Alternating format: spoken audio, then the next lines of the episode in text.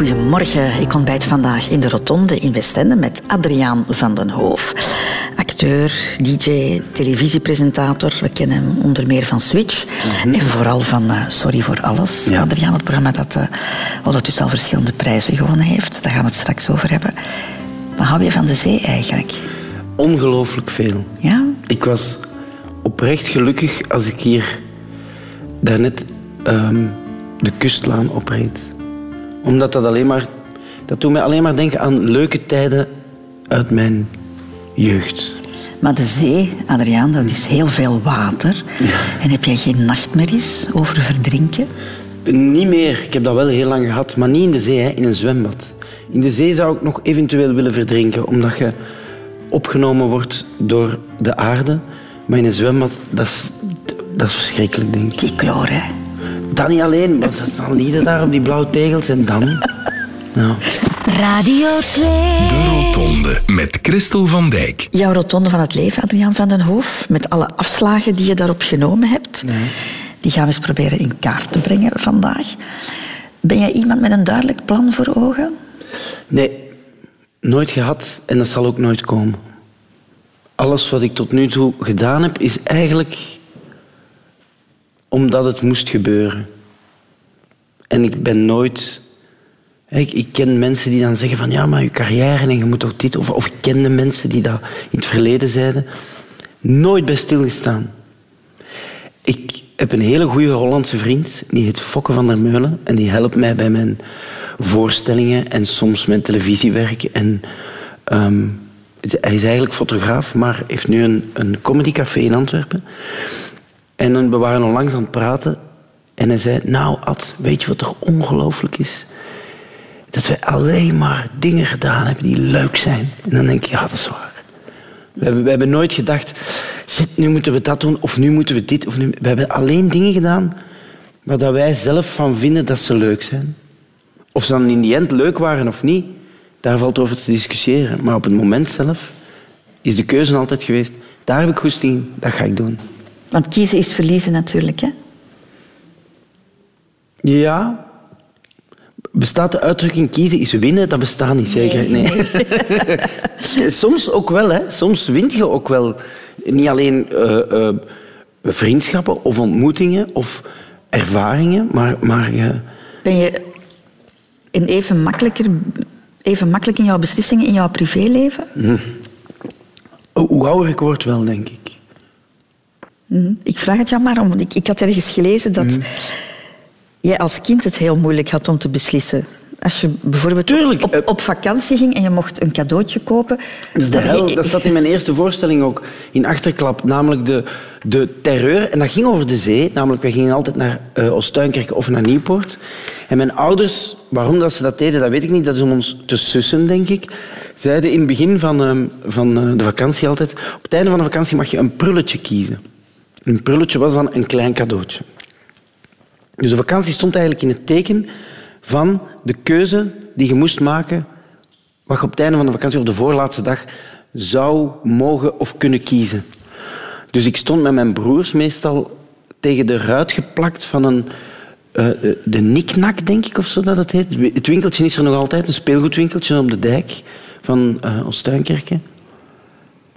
En dus alles was... Of alles was, eh, stond in het teken van die afgrijzelijke terreur om een keuze te moeten maken. En uiteindelijk dan soms nog hetzelfde te moeten kiezen als uw broer. Wij, wij kozen dan bijvoorbeeld de A-team, hè, waar wij als kind naar keken. Daar bestonden actiefiguren van. En uiteindelijk kiesde mijn broer alle twee BA. Dat was die zwarte met zijn kettingen. En... Dus je werd want je moest dan gaan spelen daarmee. Maar er waren twee BA's. Ja, wat dan?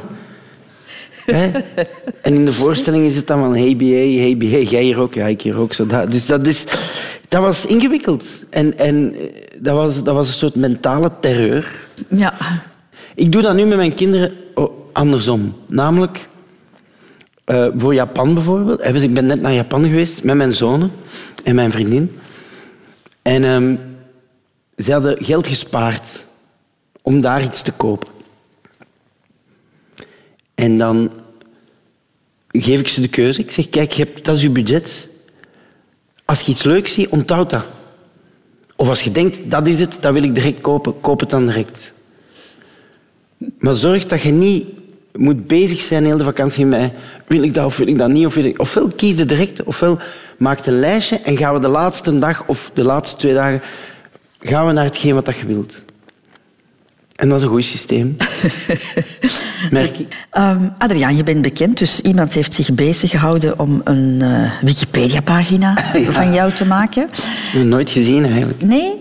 Nee, ik weet wel dat als ik een interview doe met iemand en als die begint met de zin je bent een artistieke duizendpoot, dan weet ik dat die op Wikipedia gaan opzoeken is wie ik ben. Wij gaan die even checken, want er staat onder meer dit op te lezen. Adrian Albert van den Hoof, Leuven 6 september 1972, is een Vlaams acteur, komiek, discjockey en radiopresentator. Discjockey. Dat is cool, hè? dat is het beste woord dat er bestaat. Discjockey. Dat, dat klinkt hè, zo ouderwets. Het ja. gaat allemaal over, over jouw leven vanaf het moment dat je bekend uh, geworden bent. Maar er is ook nog een stuk leven daarvoor. Hè. Ja. Um, dat ontbreekt in die Wikipedia-pagina. Dus Han Koeken heeft toch die ontbrekende stukjes uh, wat in elkaar geflanst om die periode er ook in te krijgen. Kijk, Adriaan van den Hoof is geboren te Leuven op 6 september 1972 als oudste zoon van radiopresentator Mark van den Hoof en Annemie Leijsen. Vader Mark moest direct na de geboorte van zijn zoon terug naar Rwanda, waar hij en zijn vrouw hun burgerdienst deden. Zes weken later volgden de mama en Adriaan, maar blijkbaar was de melkpoeder in Rwanda van andere kwaliteit dan in België, vertelt Mark. Dan hebben we met melkpoeder dat we daar vonden beginnen voeden en dan werd hij ongelooflijk snel dik. Maar een staatsgreep in Rwanda bracht het gezin van een hoofd met baby Adriaan terug naar België.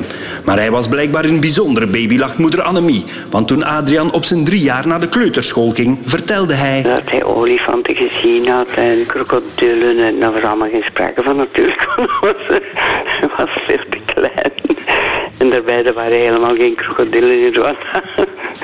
Maar enfin, hij heeft dus altijd een levendige fantasie gehad. Fantastische Adriaan stond al van in de kleuterklas graag op het podium, glundert mama Annemie. En dan kreeg hij de rol van de zon.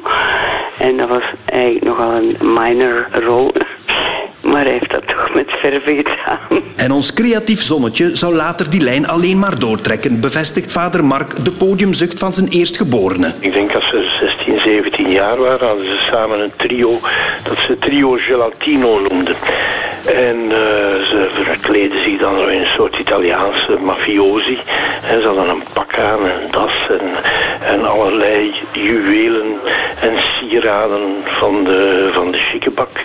En een snor maakten ze zich ook. Maar het grootste talent van Adriano Gelatino lag volgens jeugdvriend Jimmy de Wit, ook zijn partner bij Discobar Galaxy, toch elders. Adriaan is altijd enorm geïnteresseerd geweest in uh, strips en tekenen, maar wij hadden toen een gemeenschappelijke passie echt voor, voor alle dingen en logo's en, en uh, tekeningsjes van Batman. Het verwondert Jimmy zelfs dat Adriaan acteur is geworden. Maar ik dacht eigenlijk altijd dat Adriaan ging tekenaar of schilder of zo worden. Maar het showbeest in Adriaan kreeg het overwicht. Naast het spelen van Italiaanse mafiosi kroop Adriaan ook geregeld in de rol van breakdansende hiphopper. En dat zorgde voor het schaamrood op de wangen van moeder Annemie. Dan kwam ik eens in de stad en dan bleken ze daar op het uh, grote plein in Leuven te staan breakdansen met veel volk er rond.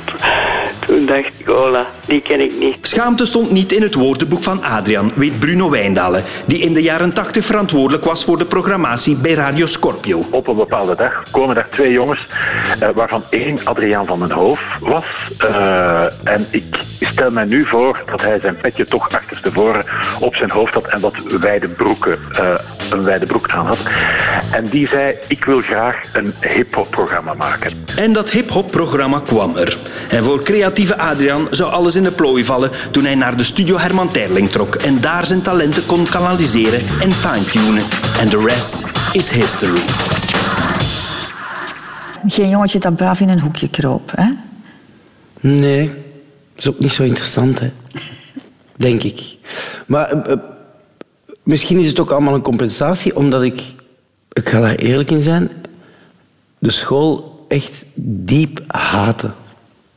Nog altijd. Radio 2. De Rotonde. De allereerste afslag in het leven, dat is eh, geboren worden. Je bent de oudste van vier kinderen. Daar weet ik nog heel weinig van.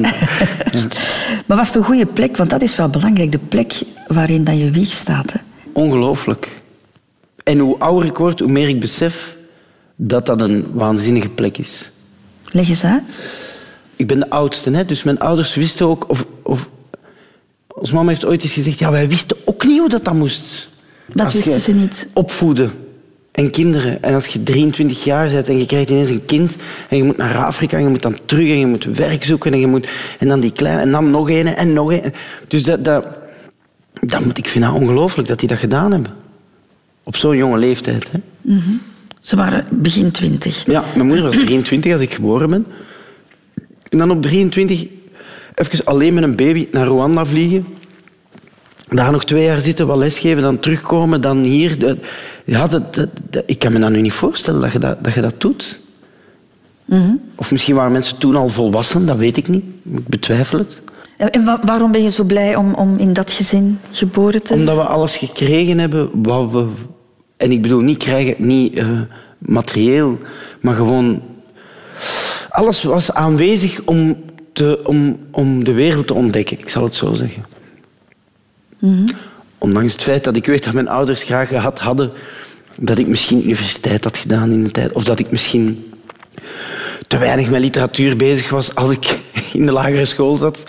Terwijl mijn vader alles al had gelezen en mijn moeder opgevoed is ook in een nest van, van, van cultuur en media. En mijn vader is, heeft dat zelf ontdekt. Hè. Die woonde in Lennik. Zijn, ouders, zijn vader was een verzekeringsagent, zijn moeder een huisvrouw. En die heeft de jazz dan ontdekt en de literatuur.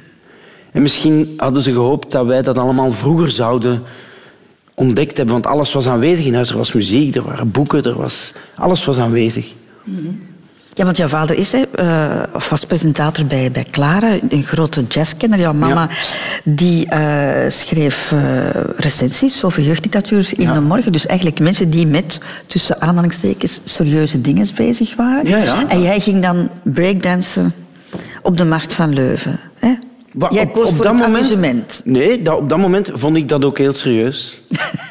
Want dat heeft er wel toe geleid dat het, het feit dat ik daarmee bezig was. Ik denk onrechtstreeks mijn muzikale voorkeur, wat in die end nog altijd zwarte muziek is, komt alleen maar voort uit het feit dat bij ons thuis alleen maar Coltrane en, en eh, Charlie Parker en al die jazz, Miles Davis, dat stond op bij ons thuis. Dus je werd ook geconfronteerd. Ons huis ligt vol met platen en boeken. Dus er stonden altijd platen met Dexter Gordon, eh, z- prachtige zwarte muzikanten op.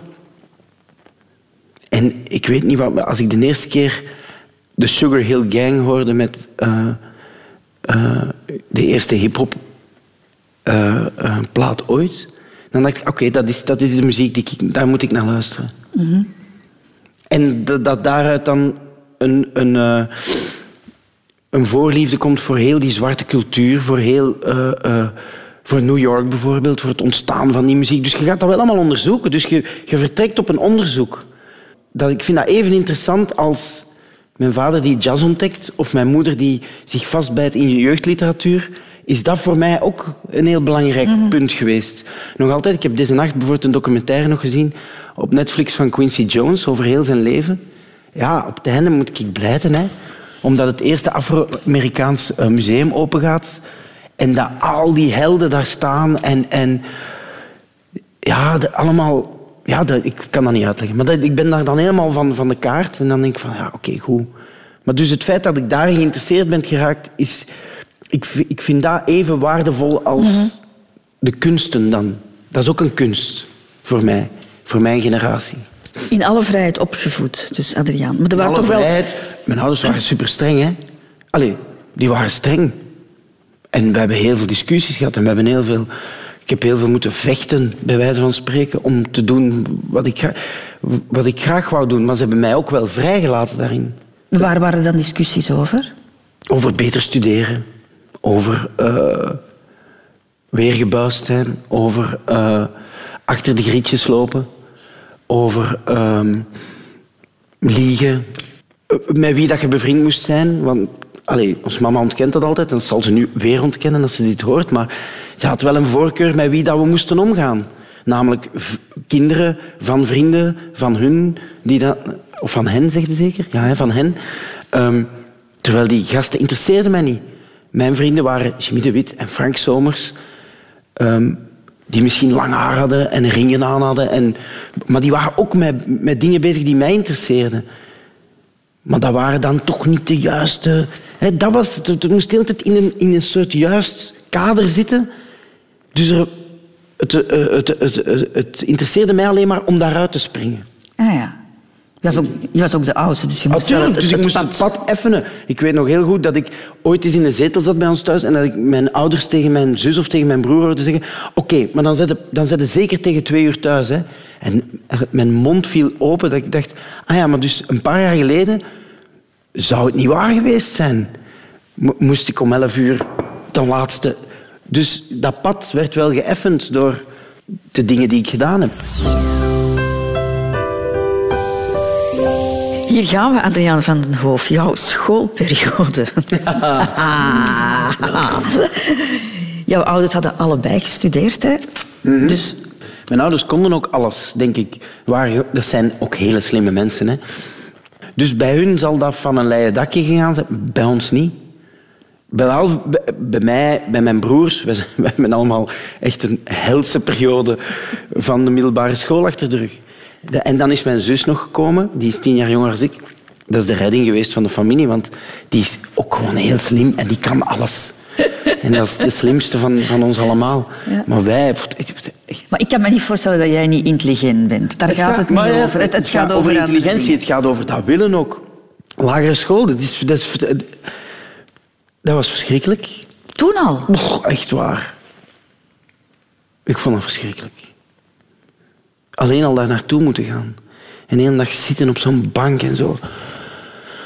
En taakjes en... Allee, ik ben heel blij dat mijn twee zonen zo graag naar school gaan. Ondanks het feit dat ze ook hun huiswerk soms niet willen maken of dat ze wat minder punten hebben. Maar die doen dat graag. En die hebben, ik weet niet wel, vrienden. En die, die, allee, wij wonen naast de school, dus dat is een cadeau. Hè. Die vertrekken 's morgens papdagen, gaat die halen. Was ja, tof. En die amuseren zich. Ik vond dat verschrikkelijk. Ja, en de verwachtingen waren allicht ook heel Maar natuurlijk. erg En dan up en dan weer gebuist en dan weer dit en dan... En, het, en dan een studiekeuze moeten maken en dan Latijn moeten gaan doen. Ja, waarom heb je daar eigenlijk voor gekozen? dat moest. Je deed dat gewoon. En na dat eerste jaar echt falikant gebuist. En dan afzwakken. Hè. En, dan, en ik zat op het Sint-Pieters College in Leuven, wat nu een fantastische school is, vermoed ik. En met mij op school zaten ook Jan Elen bijvoorbeeld, regisseur van het Eiland en in de Gloria. Eh, Daan Stuyven zat bij mij op school. En wij speelden toneel samen op school. En ik, ik zat veel lager dan die, of een paar jaar lager. Maar ik mocht wel mee toneel spelen. En ik had een bevlogen leraar, Rick de Korte. En dat was het enige lichtpuntje uit mijn jeugd. En, en hij zal het graag horen, want eh, soms krijg ik nog wel eens een mail van hem of, of, of zoekt hij contact. Maar dat was, mijn, dat was de enige reden waarom ik in dat college overeind bleef. Dat je, dat je toneel mee mocht Maar spelen. overeind blijven, dat klinkt nu echt... als- Ik vond dat verschrikkelijk. Dat was de hel. Heel dat instituut, heel, al die kwaai gefrustreerde leraars, die perfect waren als soort... Ik ga het zeggen dat is, een soort eh nazi-beul was die daar rondliep. Die, die zag er ook zo uit. Ze noemden die dan ook de vuur of de, of de pif, ik weet het niet meer. Maar dat was zo... Dat, dat, dat klopte niet. Ik, ik, ik, de hele tijd het gevoel dat je ergens beland bent geraakt waar dat je nooit voor gekozen hebt.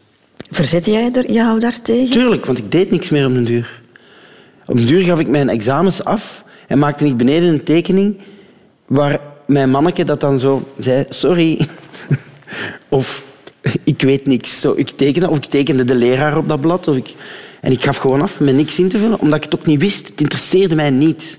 Ik heb de indruk dat je wel kon rekenen op begrip, want in het eerste middelbaar al heeft een van jouw leraars gezegd hij kan misschien geen Latijn, maar hij kan een heleboel andere dingen die Ja, andere maar kinderen er, zijn, niet er kunnen. waren een paar mensen eh, op dat college die mij een warm hart toedroegen. Nou, meneer Peumans ook. Die gaf Frans. En op een gegeven dag stond hij ineens bij mijn ouders aan de deur. Na het school. En ik dacht, wat wat komt die hier doen? En die is mij gewoon bijles komen geven, een paar keer. Die is intussen dan ook bevriend geraakt met mijn vader, want dat was ook een jazzliefhebber. En die was er zo van overtuigd dat ik dat wel kon, dat hij vond dat hij mij daarbij moest helpen. Ongelooflijk, hè? Dat vind ik onwaarschijnlijk. Zonder daarvoor iets te willen of te... En ik, ik vond het in het begin verschrikkelijk dat hij daar stond, maar uiteindelijk heeft mij dat wel geholpen. Maar dan ga je in het derde middelbaar... Dan ben je gebuist, hè? Derde middelbaar. Keihard, hè? maar niet gewoon gebuist, maar zelfs allee, in min gaan. Hè? Ja. Min 20 procent of Het zal zo. wel zoiets geweest zijn. En dan ben je beeldende kunsten gaan doen. Ja, eerst nog een jaar in Aarschot, in het Sint-Jozefs Instituut, omdat mijn ouders schrik hadden dat ik in Sint-Lucas zou ontsporen. En dat is hun, hun goed recht geweest, dat ze gezegd hebben, ga eerst maar naar Aarschot. Niet wetende dat dat het voorgeboorte van de hel is. Nee, dat is niet waar, maar dat was een heel leuke school, Sint-Jozef.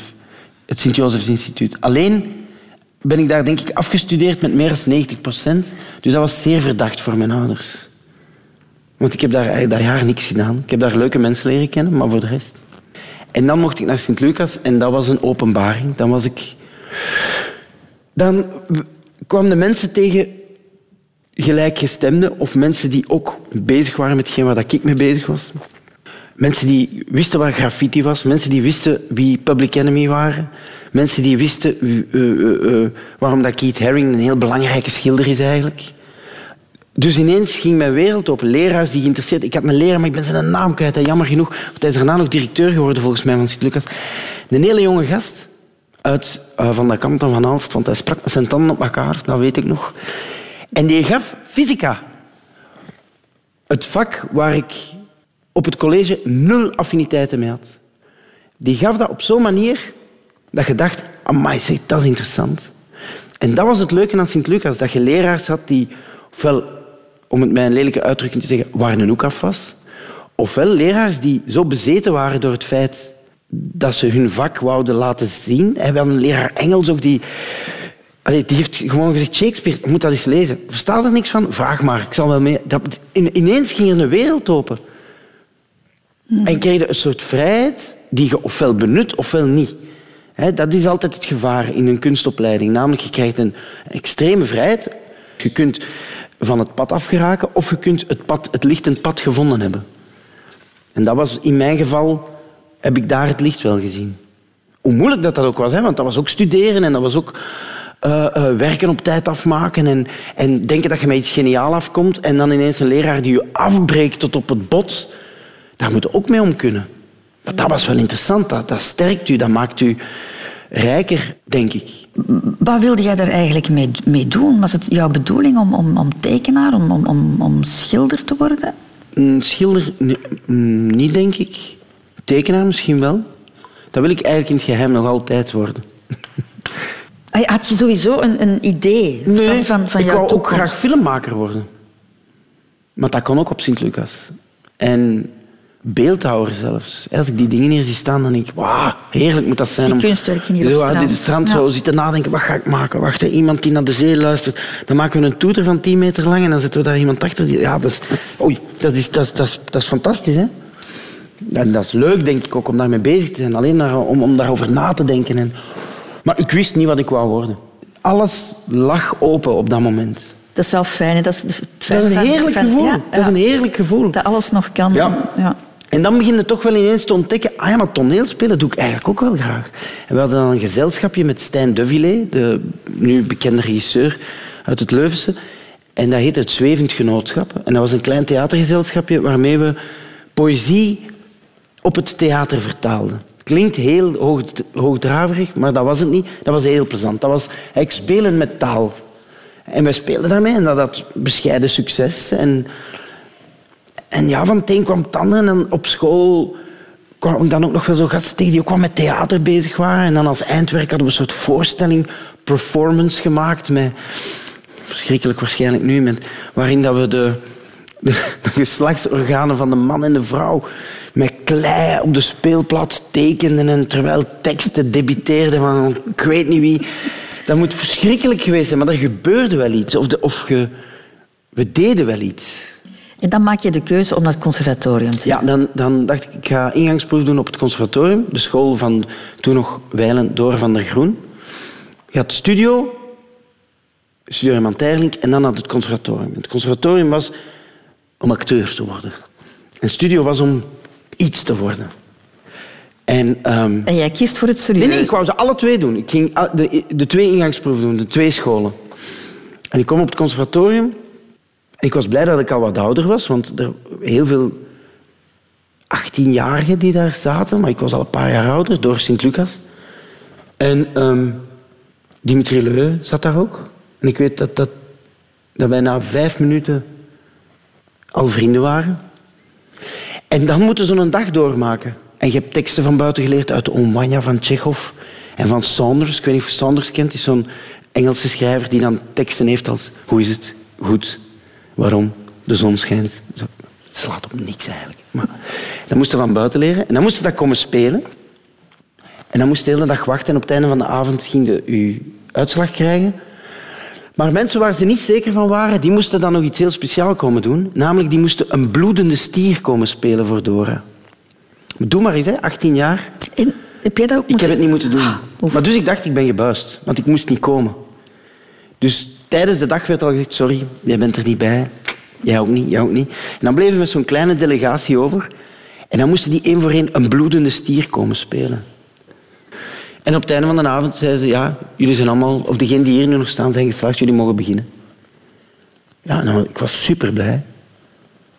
Ik ben zelf in mijn leven zo blij geweest dat iets lukte van de eerste keer.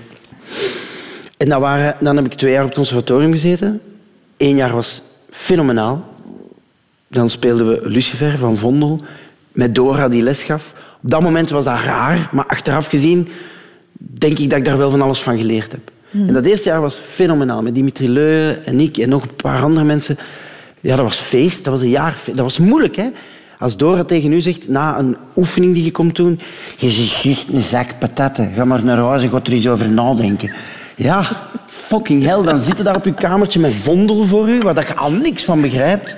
Wie is het die zo hoog in het grondeloze licht van tijd nog eeuwigheid gemeten, zonder ronde, zonder teken? Dus je kent het nog altijd van buiten de tekst. Gewoon dat je dag en nacht dat monoloogje van buiten probeert te leren en daar iets mee te doen. Maar ze, ze, wat ze wel deed, Dora, was het stimuleren van uw fantasie. Was het stimuleren van uw, uw tekstgebruik. Van uw, Maar, hè, dus hè? Ja, maar. Dus dat eerste jaar was feest, feest, feest.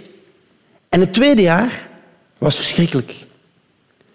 Je werd de hele tijd geconfronteerd met je eigen. Je werd geconfronteerd met je onkunde. Je werd geconfronteerd met dat je, dat je, dat je niet op je plaats zat. Ik kreeg les dan van Ivo van Hoven. Ivo is een van de grootste regisseurs van de wereld op dit moment. Ik verstond die man niet. Jammer genoeg. Ik zou het er graag nog eens met hem over willen hebben, want na die opleiding hebben wij nooit meer met elkaar gesproken.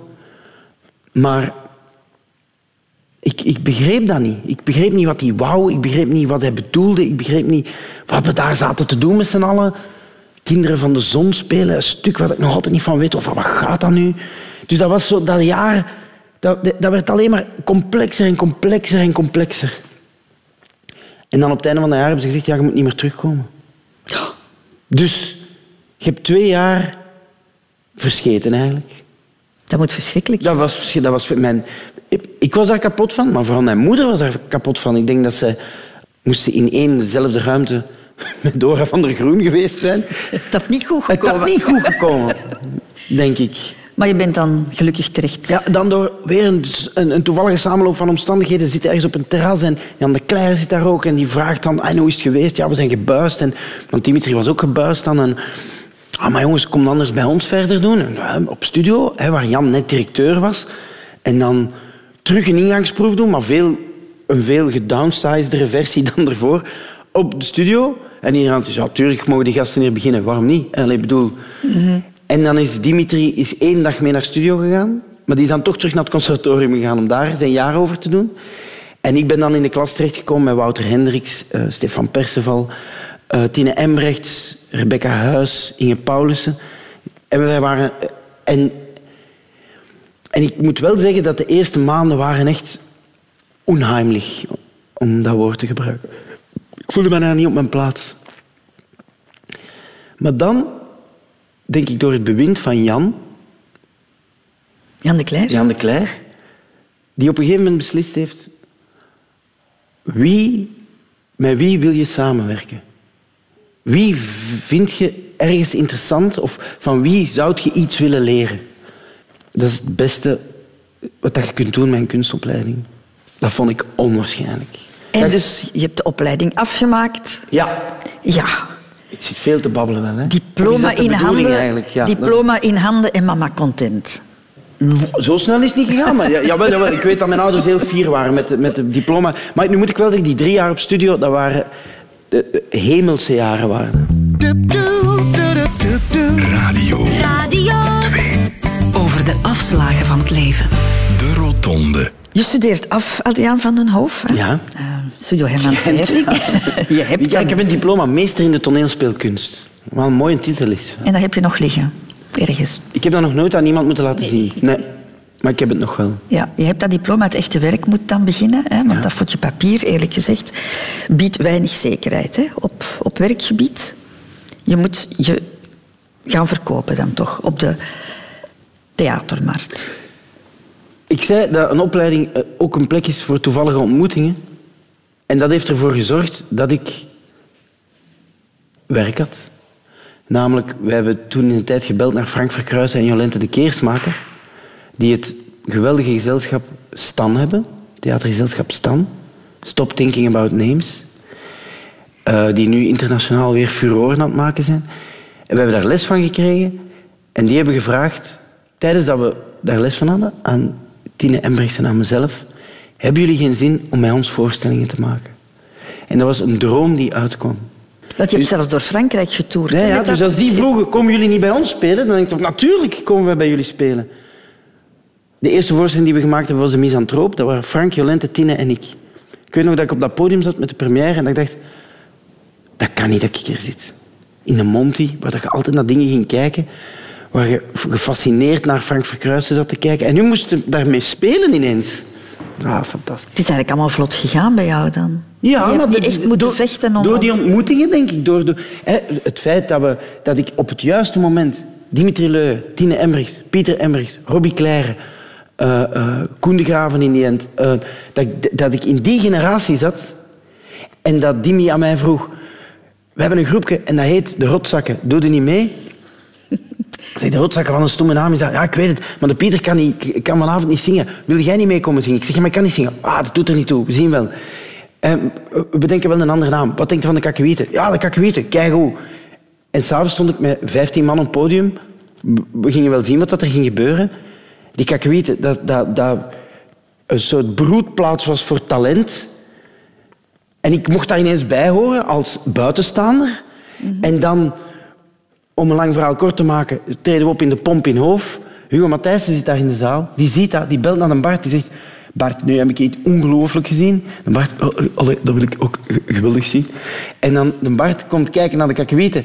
En die zegt, de, kakkewiet, dat is, het- dat is beste wat er bestaat. De Bart die gaat naar de VTM, die maakt dan een show. Die zegt, ik doe dat met de kakkewieten. Dus, wij zaten nog op school en wij, elke zondag hadden wij, stonden wij in een live programma met Bart Peters op de VTM, waar als de Bart zei, morgen moeten de kakkewieten verkleed zijn in ridders en die moeten met paard en kar de studio binnenkomen, dat iedereen in die studio zei, goed idee Bart, dat doen we.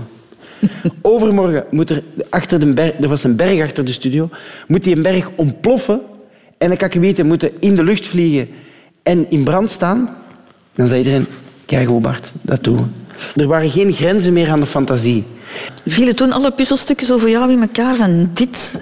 Nee, want Dit is mijn pad, nu, nu heb ik het er was gevonden. geen pad, er was alleen maar verwondering en bewondering.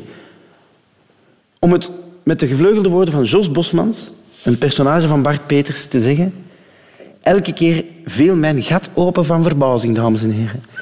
Want er- met- de ene moment stonden in Haarlem toneel te spelen, in de toneelschuur. Een mythische plek ook. En ernstig, allee, ernstig tussen aanhalingstekens, theater. En, en de dag erop mochten we met Bart Peters gaan spelen. Ik had het gevoel, ik mag weer gaan spelen. Maar dat was dus dat was de wereld waar ik in terecht gekomen was. Waar ik inderdaad, zoals je zelf zei, weinig heb voor moeten doen. Buiten die mensen allemaal ontmoeten. En buiten wel Dat, dat ten volle doen. Niet half zijn gat.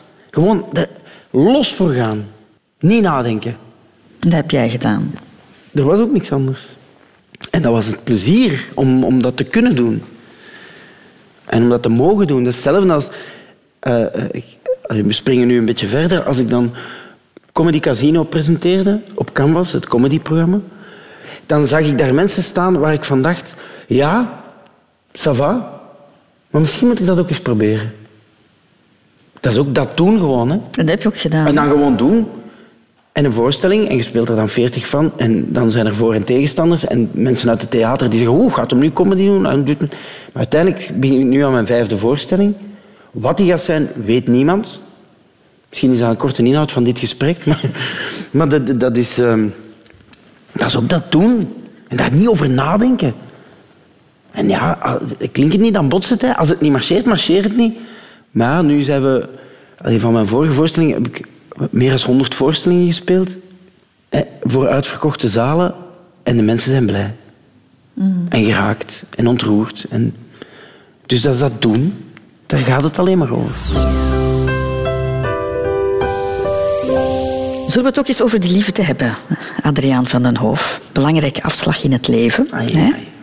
Oei, ai, ai, ai. Nee, nee, ja, nee, dat, is toch, dat is toch een, een mooi hoofdstuk meestal? Of niet ja, altijd? Ja, dat is een mooi hoofdstuk, maar dat is ook iets ingewikkeld. En dat is ook iets waar ik niet altijd even eh, gretig voor ben om daarover te spreken. Maar je moet daar niet gretig over spreken. Ik wil gewoon weten wat jij denkt over liefde en, en wat jouw verwachtingen als kind waren. Je hebt bijvoorbeeld ooit gezegd in een interview dat je als kind liever met meisjes speelde dan met jongens.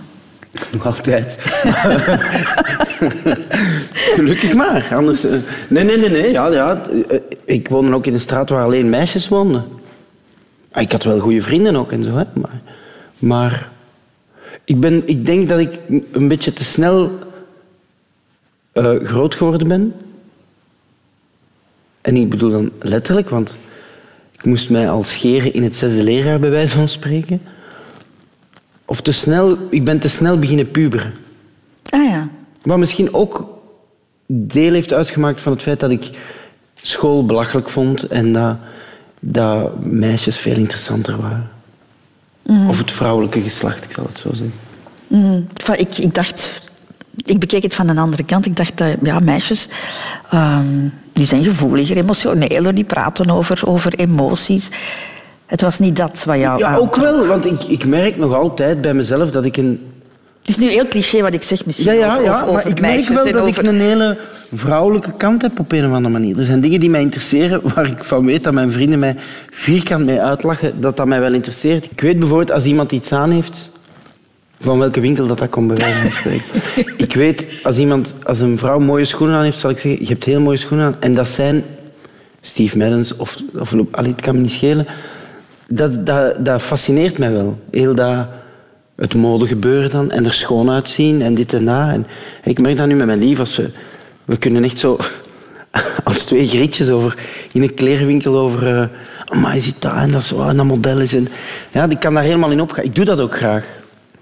Maar dat is dan mijn vrouwelijke kant op een of andere manier. Wat voor opvoeding heb jij op dat gebied gekregen? Adriaan, wat voor beeld van de liefde heb je van thuis Mijn ouders zijn nog altijd verliefd op elkaar. En dat vind ik ongelooflijk. In goede en slechte tijden, denk ik. Dat is bewonderenswaardig. En dat is iets wat ik ook graag had gewild, dat je iemand tegenkomt en dat je denkt, hoe moeilijk het ook is, maar dat is voor de rest van het leven. Is het dan die structuur van lang samen te zijn? Van dat... Nee, het gaat over iemand, iemand de juiste vinden, denk ik. Hè. En, en, en op het juiste moment.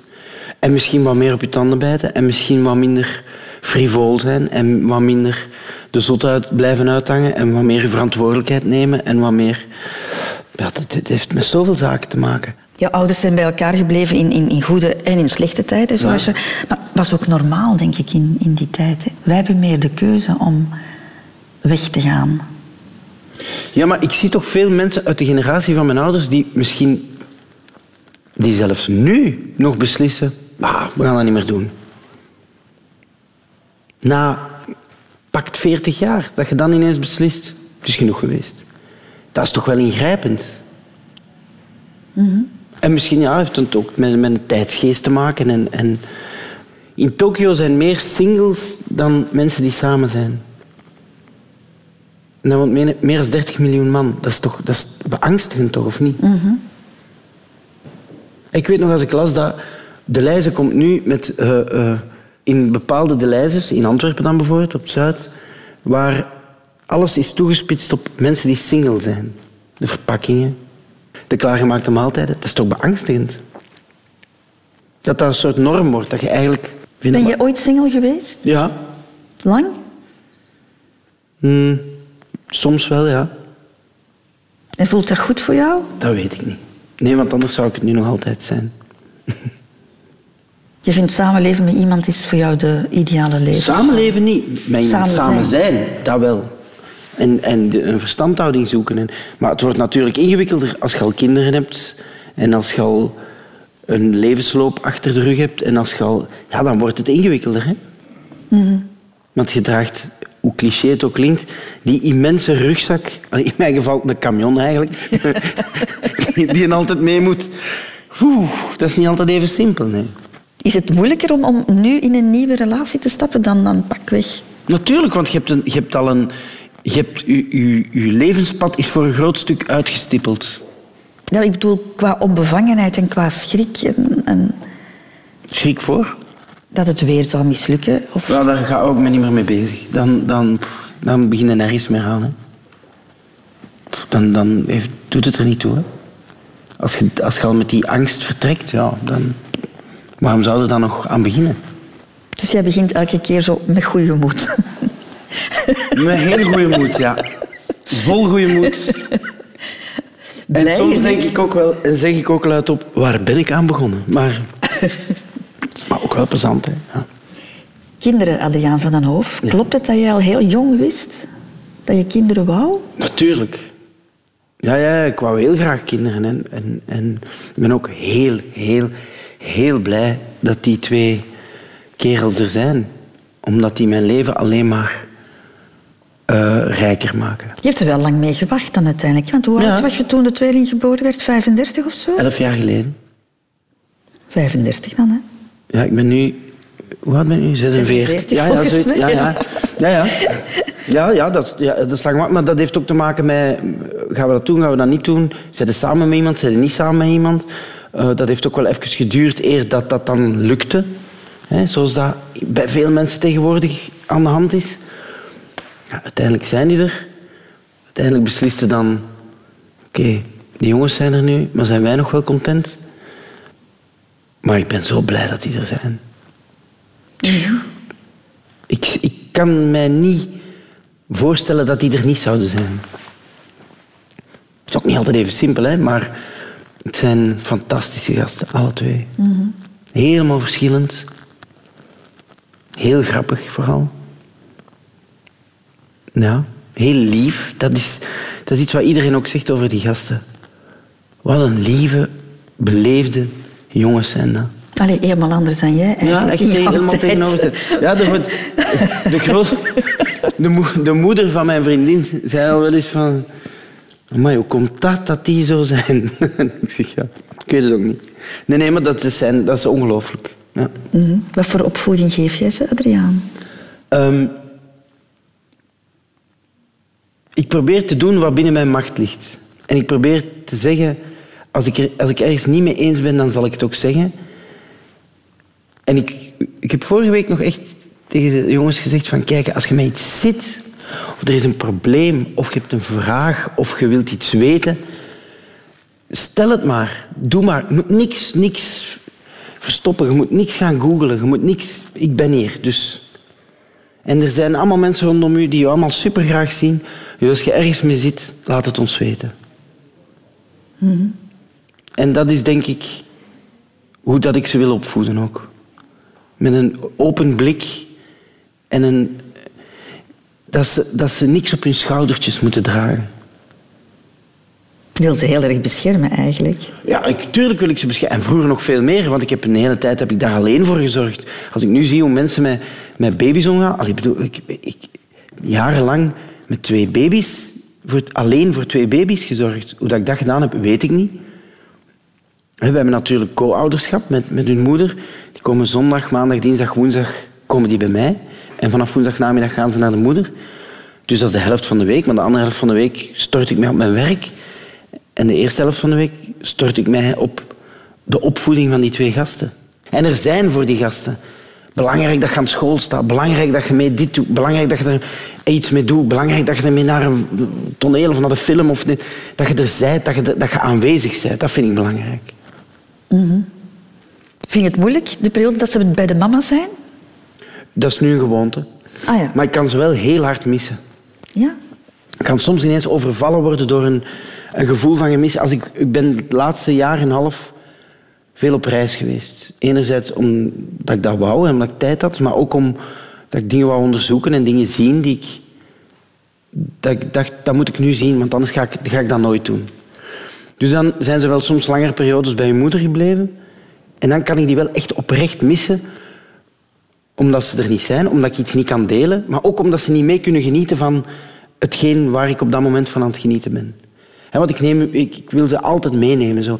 We zijn aan, als ze tien waren, zijn we naar New York gegaan, want ik had dat beloofd ooit. Dat zijn ze jammer genoeg nooit vergeten. Dat hebben we dan ook gedaan. Ze werden tien jaar, kom aan, we gaan naar New York een week. Ah, overweldigend. Vermoeiend, maar overweldigend. We zijn eh, ehm, nu in Tokio. Ik dacht, oké, ik ga daar naartoe, ga mee. Oké, we gaan mee, want ze zijn nu groot genoeg om zelf, zelfstandig... Maar ze hebben wel al veel van de wereld gezien. Wat ik, hè, mijn moeder zijn ze naar Thailand geweest. En, ik bedoel, die reizen meer dan wat anders. Maar dat is ook belangrijk. Dat is ook een onderdeel van... Ik moet er zijn, ga mee.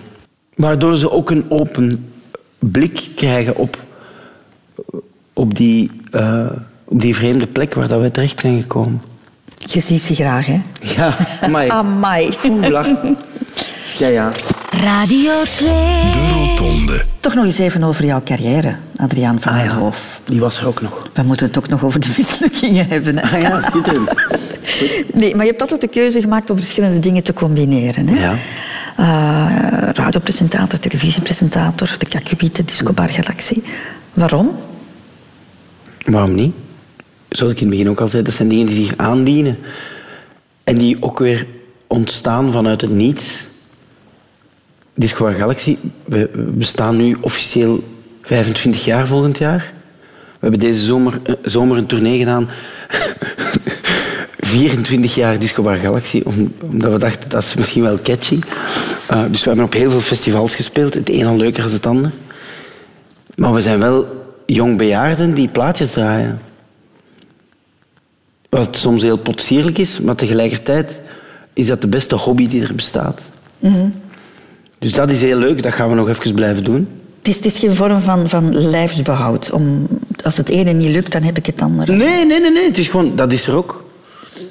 Het feit dat, ik, dat we nog altijd graag platen draaien, waarom zouden we daar dan mee stoppen? Het feit dat ik graag iets doe voor televisie, waarom zou ik er dan mee stoppen? Het feit dat ik een voorstelling wil spelen nu, dat is omdat ik daar goesting in heb. Omdat er nog altijd zin is om dat te doen. Nu, als je heel veel dingen doet en combineert, Adriaan, dan kunnen sommige dingen ook mislukken. Hè? Ja, ja, sowieso. bijvoorbeeld, de Andy Show was niet echt een succes. Normale mensen op één was ook niet het succes dat men ervan verwacht had. Dat is waar, maar daar, dat is een beetje een, een... Dat is in de pers uiteindelijk zo gedraaid, omdat we de eerste week pakt 700.000 kijkers hadden en de week daarna 500. Dat is niet zo erg, hè? Maar als er een journalist of journalisten zijn die dan in het groot en in het breed zeggen... Amai, dat moet verschrikkelijk zijn. En die dan... En het gaat nu over een of ander boekje. En daarin stond... Wij hebben collega's van Adriaan opgebeld over de mislukking. En die collega's waren Jode Poorter en Kurt Rogiers. Twee mensen die ik nog nooit in mijn leven ontmoet heb. Die ineens opgevoerd worden als collega's en vrienden. Heel lieve mensen, hè. Daar, allee, ik heb die wel al eens ontmoet, maar... Dus dat, er wordt zoiets gecreëerd dat niet waar is. Dat dat niet een topprogramma was, dat geef ik graag toe. En de Andy Show, dat gaat over mijn VTM-verleden. Dat was gewoon... Dat was weer trial and error. Jongens, er is een zondagavond een blok waar niks in gebeurt. Ad stelde redactie samen. En ik zat samen met Sven de Leijer, Arnold Zolle, Fokke van der Meulen, Tine Trog, een heel bende creatievelingen. Doe maar iets. Natuurlijk kan dat mislukken. En natuurlijk, als je om 11 uur s'avonds een soort tv-programma maakt waar niemand eigenlijk goed van weet wat het is. Ja, hoe ga je daarmee om? Met, Ik, om te- nee, ik, ik, bijt mijn, ik bijt, bijt me daar dan in vast en ik doe verder met hetgeen dat ik denk dat dat moet zijn. En dat wordt dan natuurlijk weer... Dat, wordt, dat, wordt, dat, dat begint een eigen leven te leiden. Namelijk, oh, dat was verschrikkelijk. Dat was. En dan andere mensen, nee, dat was niet verschrikkelijk. En nu... En, en, en na zoveel jaar wordt dat dan ineens cult. En shit, dat was eigenlijk de voorloper van wat nu Jonas doet met Jonas Evangelen. Maar ja, op dat moment is dat een beetje frustrerend. En zit het een beetje triestig dat dat niet is wat dat je verwacht. Maar dat is... Dat is, dat is, dat is, zo'n dunne lijn. maar dat is niet zo dat dat jou onzeker maakt. En, en... Ah nee, dat geeft je toch alleen maar energie om te zeggen... Oké, dan doe iets anders. Hè. En je zit daar dan wel wat triestig van. En, en, en, en je vloekt dan binnensmonds of zelfs luidkeels. Maar ja, je gaat wel door. Wat moet je anders doen? In een hol kruipen ergens en daar zo wat gaan zitten kniezen en denken... Oh, dit is mislukt. Dat heeft geen zin, hè? Genoeg over de dingen die niet zo goed gelukt zijn. Genoeg Maar in mijn ogen is alles gelukt, hè, want het feit dat dat mislukt is, heeft ervoor gezorgd dat er andere dingen wel gelukt zijn. Omdat je, je leert uit je fouten, zo, eh, om het met een cliché te zeggen. Maar dat is dat je denkt, ah nee, dat gaan we niet doen, want dat marcheert niet. Dat marcheert wel. Maar nu is er sorry voor alles, hè? Wat niet mijn verdienste is, hè, wat de verdienste is van het lichtelijk geniale jongetje Camille. Camille de Bruyne. Die het eh, programma heeft. Ja, bedacht heeft. Maar heb je nu de indruk dat dit programma jou volledig op de kaart heeft gezet als, Nee, als presentator? totaal niet. Nee? Maar ik wil ook geen presentator zijn. Hè. Ik kwam in, want we hebben net, eh, of een tijdje geleden, de Gouden Roos gewonnen. Ja, je hebt verschillende prijzen Ja, en gewonnen, een hè? Emmy, wat ook nog nooit gebeurd is eigenlijk. Bij de VRT dan. Hè. Eh, dus een... En die Gouden Roos, dat was heel plezant, want we wisten het echt niet deze keer. En de Emmy wisten we ook niet natuurlijk, maar dan denk je, dat gaan we zeker niet winnen. En nu de Gouden Roos dacht, dat zou eventueel wel kunnen, maar we hadden er geen goed oog op. En ehm, sorry voor alles. En Switch hebben ze ook in Nederland gemaakt. En op het, de, het feest na de Gouden Roos kwam er een Hollandse bekende presentator naar mij, waar ik de naam niet van ken, maar waar iedereen van zei, dat is die een Hollander. Die. Dus in Nederland is dat een megaster, want presentatoren in Nederland zijn megasterren. Hier niet, hè. Buiten Koen Wouters en Bart Peters zijn er geen megasterren. Ehm, en die kwam naar mij en zei, oh ja, waarom heb jij Sorry voor alles niet in, in Holland gedaan? Ik zeg, ja, dat weet ik niet. Kan je mij het geheim verklappen van Sorry voor alles? En ik zei tegen hem, ja, iets wat jullie heel weinig doen, is luisteren naar de mensen die in de studio komen. Want jij bent niet de belangrijkste. Die mensen zijn belangrijk. En daar was hij toch even stil van. Want dat, dat, dat, dat is het. Hè. Ik, ik beschouw mezelf niet als een presentator. Ik beschouw mij als een, een gastheer. Dat is iets helemaal anders. Dus het succes van Sorry voor alles legt geen extra druk op jou voor toekomstige projecten? Nee. Totaal niet. Nee, dat is gewoon een keigoed programma. En dat is gemaakt door m- multitalenten. Door jonge, inventieve, intelligente, gedreven mensen. En ik mag meedoen. Allee, stel, ik ben geen voetballer. Hè. Maar stel dat ze daar nu op het strand allemaal aan het shotten zijn. En je bent 12 jaar en je zit alleen hier op de dijk. En je verveelt je.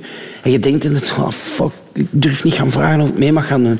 En ineens komt daar een van die gasten afgelopen en die zegt tegen u... Zeg, eh, heb je geen goesting om mee te shotten? Want we zijn met een man te weinig. En de blijdschap die u overvalt, dat jij het niet moet gaan vragen, dat je, en dat je mee mocht gaan shotten en dat je je heel dag op het kunt amuseren, dat is het. Dat is wat dat ze mij gevraagd hebben. Namelijk, doe er niet mee met die gasten. En dan heb ik die ontmoet en dan dacht ik, tuurlijk doe ik mee met die gasten. Als Bart Kannaerts en Tom Leenaert mij honderd keer telefoneren om te zeggen, maar we hebben een quiz en dat is echt iets voor u. Kom eens meespelen. Met die woorden, hè. En ik kom op de, bureaus van Panenka en we spelen die quiz. En ik denk, hoe gezellig is dat? Oké, ik doe mee. Meedoen, dat is een beetje het sleutelwoord. Hè? Ja. ja. De Rotonde. Radio 2. Radio 2. Tijd voor de allerlaatste afslag van het leven. Oei, oei. Dat is doodgaan. Ook, ik wist dat ging komen. Moest, moet. Ja. ja. Je bent katholiek opgevoed, hè? Ja, ja. Wij wij gingen aan de mis ook elke week. En zo in de studentenparochie in, eh, aan de universitaire, de universitaire studentenparochie zeker was dat, eh, in Begijnhof. Waar Herman Servot, prof aan de universiteit en huisvriend bij ons, de misdeed. Heel fascinerende figuur. Intelligente man. Als Herman heeft dan Parkinson gekregen, als Herman gestorven is, heeft mijn vader ook gezegd, nu geloof ik niet meer. ik denk dat hij de, dat, de, de, hij de laatste mens was die mijn vader geloofde. Ah, Want mijn vader wou priester worden eerst. Hè. Dat moet misschien toch ook eerst even in de verf gezet worden. Dat mijn vader drie jaar in het klooster heeft gezeten samen met Jo, met de banjo. En nog iemand? William van Laken? Ik weet het niet. Maar die zaten dus samen in het klooster en hebben gelukkig dan beslist... Ah, nee, we gaan dat toch niet doen. Maar ik ben, ik ben katholiek opgevoed. Maar heel traditioneel katholiek? Nee, we gingen naar al een alternatievere parochie, waar ook vrouwen de preek deden. Ik heb daar mijn communie ook gedaan en daar werd er losser omgegaan met wat dan het geloof zou moeten zijn. Blijft er nog iets van over bij jou?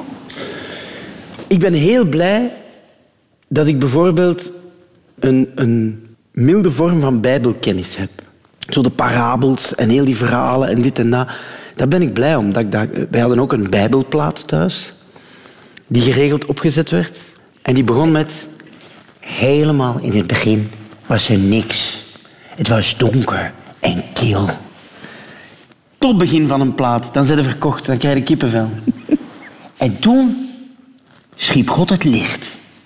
En dan denk je, fuck, bring it on. Je hebt er precies dikwijls naar Ik geluisterd. ken niet helemaal van buiten. Helemaal. Ja, dat, dat is nog altijd iets... Niet dat ik, dat ik katholiek ben nu. Of niet dat ik... Maar ik probeer die waarden wel aan mijn kinderen mee te geven. Zonder dat ze naar de mis moeten en zonder... Want ze hebben hun communie ook niet gedaan. Ze hebben eh, een lentefeest dan gedaan. Wat basically is gewoon... Wat krijgen we als cadeau. Maar, ehm, nee, nee, en ook gezellig samen zijn. Maar Maar geloof je dat er iets is hier? er is iets, zeker weten. Wat het is, dat weet ik niet, maar er is iets. Het is niet over en out. Hierna. Het zou een beetje tijdverlies zijn, hè? Niet? Mocht het gedaan zijn aan dit? Dan zou het toch... en dan? Wat, wat.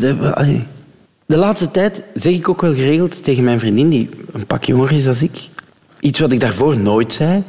Je zet hier maar even eigenlijk. Dus profiteer ervan in plaats van, er, van te zagen en te klagen. En te, doe die goesting en profiteer ervan. Want, want ik besef niet dat ik nu 46 jaar ben. Ik denk nog altijd dat ik zo... Allee, ik heb wel... Of we hebben wel de afspraak gemaakt met, met, met mijn beste vrienden. Als het potsierlijk wordt, moeten we ermee stoppen. Hè, van te doen alsof we 16 jaar zijn. Want dat bestaat. Hè. Je kunt ook soms denken... Gast, nu is het, nu is het echt... Nu moeten we stoppen. Maar... Maar denk je er al eens over? Van, Tuurlijk. ja? En met wat voor gevoel dan? Voor mijn eigen, ça va nog. Maar bijvoorbeeld, mijn grote angst is nu dat in mijn omgeving dat er mensen gaan wegvallen. Want ik ben nu op de ouderdom gekomen dat, zeg het zoals het is, mijn ouders of onkels of tantes of vrienden, oeh, dat vind ik moeilijk. En ik ben zelfs op de leeftijd gekomen dat in mijn omgeving ook mensen ineens zeggen, ik heb kanker of ik heb niet lang meer. Dat is confronterend. Moest mij nu iets overkomen, ja, dan ga ik me daarbij moeten neerleggen. Maar ik heb vooral schrik voor mijn omgeving. Om afscheid te moeten nemen. Dat gaat niet, denk ik. Mijn zonen, mijn, vrienden, mijn lief, dat gaat niet. Dat gaat er bij mij niet in. Dat, dat, dat, dat je die moet achterlaten. Terwijl dat je denkt dat je nog zoveel moet doen. Terwijl dat je denkt nog in ah, ik wil nog ooit met dat of dat. Of ik wil nog ooit met hun daar naartoe. Of ik wil... Ja, dat, dat is mijn grootste angst. Jouw grafschrift, Adriaan. Is dat nog altijd, het was maar om te Ik wou het lachen? zeggen, dat is toch het beste grafschrift van de wereld, het was maar om te lachen. Dat vind ik echt... Moest ik dat zien staan ergens, ik zou beginnen lachen. Dat is toch de bedoeling? Dat is zoals de laatste tournee van, van Phil Collins heette... Wacht, hoe heette hem nu weer? Phil Collins, die ook heel ziek is geweest, hè, de muzikant. De I'm Not Yet Dead Tour. Vind ik geniaal. Geniaal. Dan denk ik, ja, goed. Dat is heel goed. Het was maar om te lachen. Het was maar om te lachen. Radio 2. Over de afslagen van het leven. De Rotonde. Adriaan van den Hoof, toch ook even over de toekomst. Hè. We gaan het de nabije toekomst. Goed. Jouw nieuwe show, nieuwe voorstelling. Ik zeg ook altijd show. En dan zeggen mensen, ja, maar dat is toch geen show? Want in een show, in de kop van de mensen is het nog altijd met zo... Dat is het niet, hè. Het is een voorstelling. Eh, ja, een nieuwe voorstelling, de vijfde voorstelling. Ja, maar eerst een diploma heet die voorstelling. Ah, over de schooltijd. Over de schooltijd. Onder andere. Ja. Nee, het is begonnen met... En dat ga ik al verklappen, dat gaat ook, dat gaat ook de eerste zin zijn van de voorstelling. Ik zat in een radio-interview, waarop de ehm, interviewer vroeg aan mij... Is dit wat je altijd al had willen doen? En ik zei, ja, nee, ik wou eigenlijk chirurg worden en daarna specialiseren. Maar ik moest van mijn ouders eerst naar de toneelschool. En dan mocht ik daarna iets gaan studeren. En die ging daar niet verder op in, dus dat was zo, oké, ça va.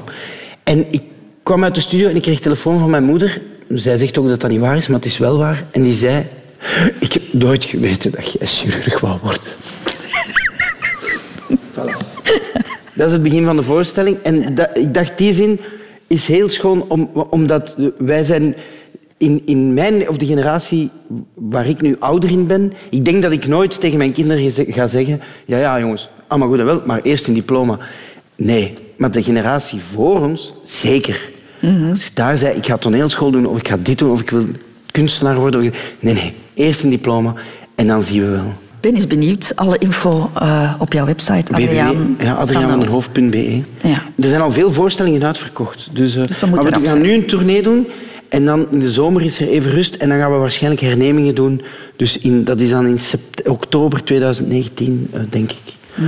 Maar, maar het, het, het- ik maak de voorstelling samen met Tom Peters. Een hele goede vriend van mij. Die gaat voor muziek zorgen. Wat het gaat worden, weet ik nog niet. De voorstellingen zijn nu ongeveer 150 post-its die bij mij thuis op de kast kleven. Dus er moet nog veel werk gebeuren. Er moet nog heel veel gebeuren. Adriaan, het was heel fijn om met jou te ontbijten. Ja, ik vond het heel leuk dat ik mocht komen. Ik heb vooral geleerd of onthouden van je moet durven springen in het leven en vooral meedoen is zo plezant. Ja.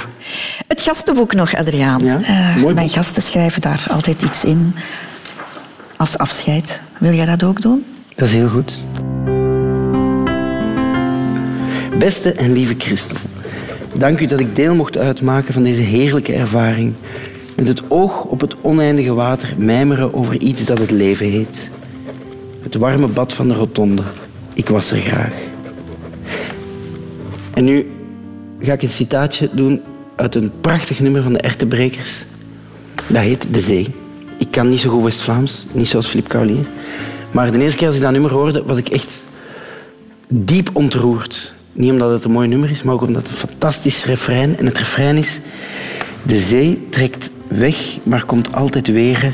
De zee maakt een hoopje van de zandkastelen. Dat vind ik ongelooflijk schoon. Van de Ertebrekers, De Zee. Adriaan.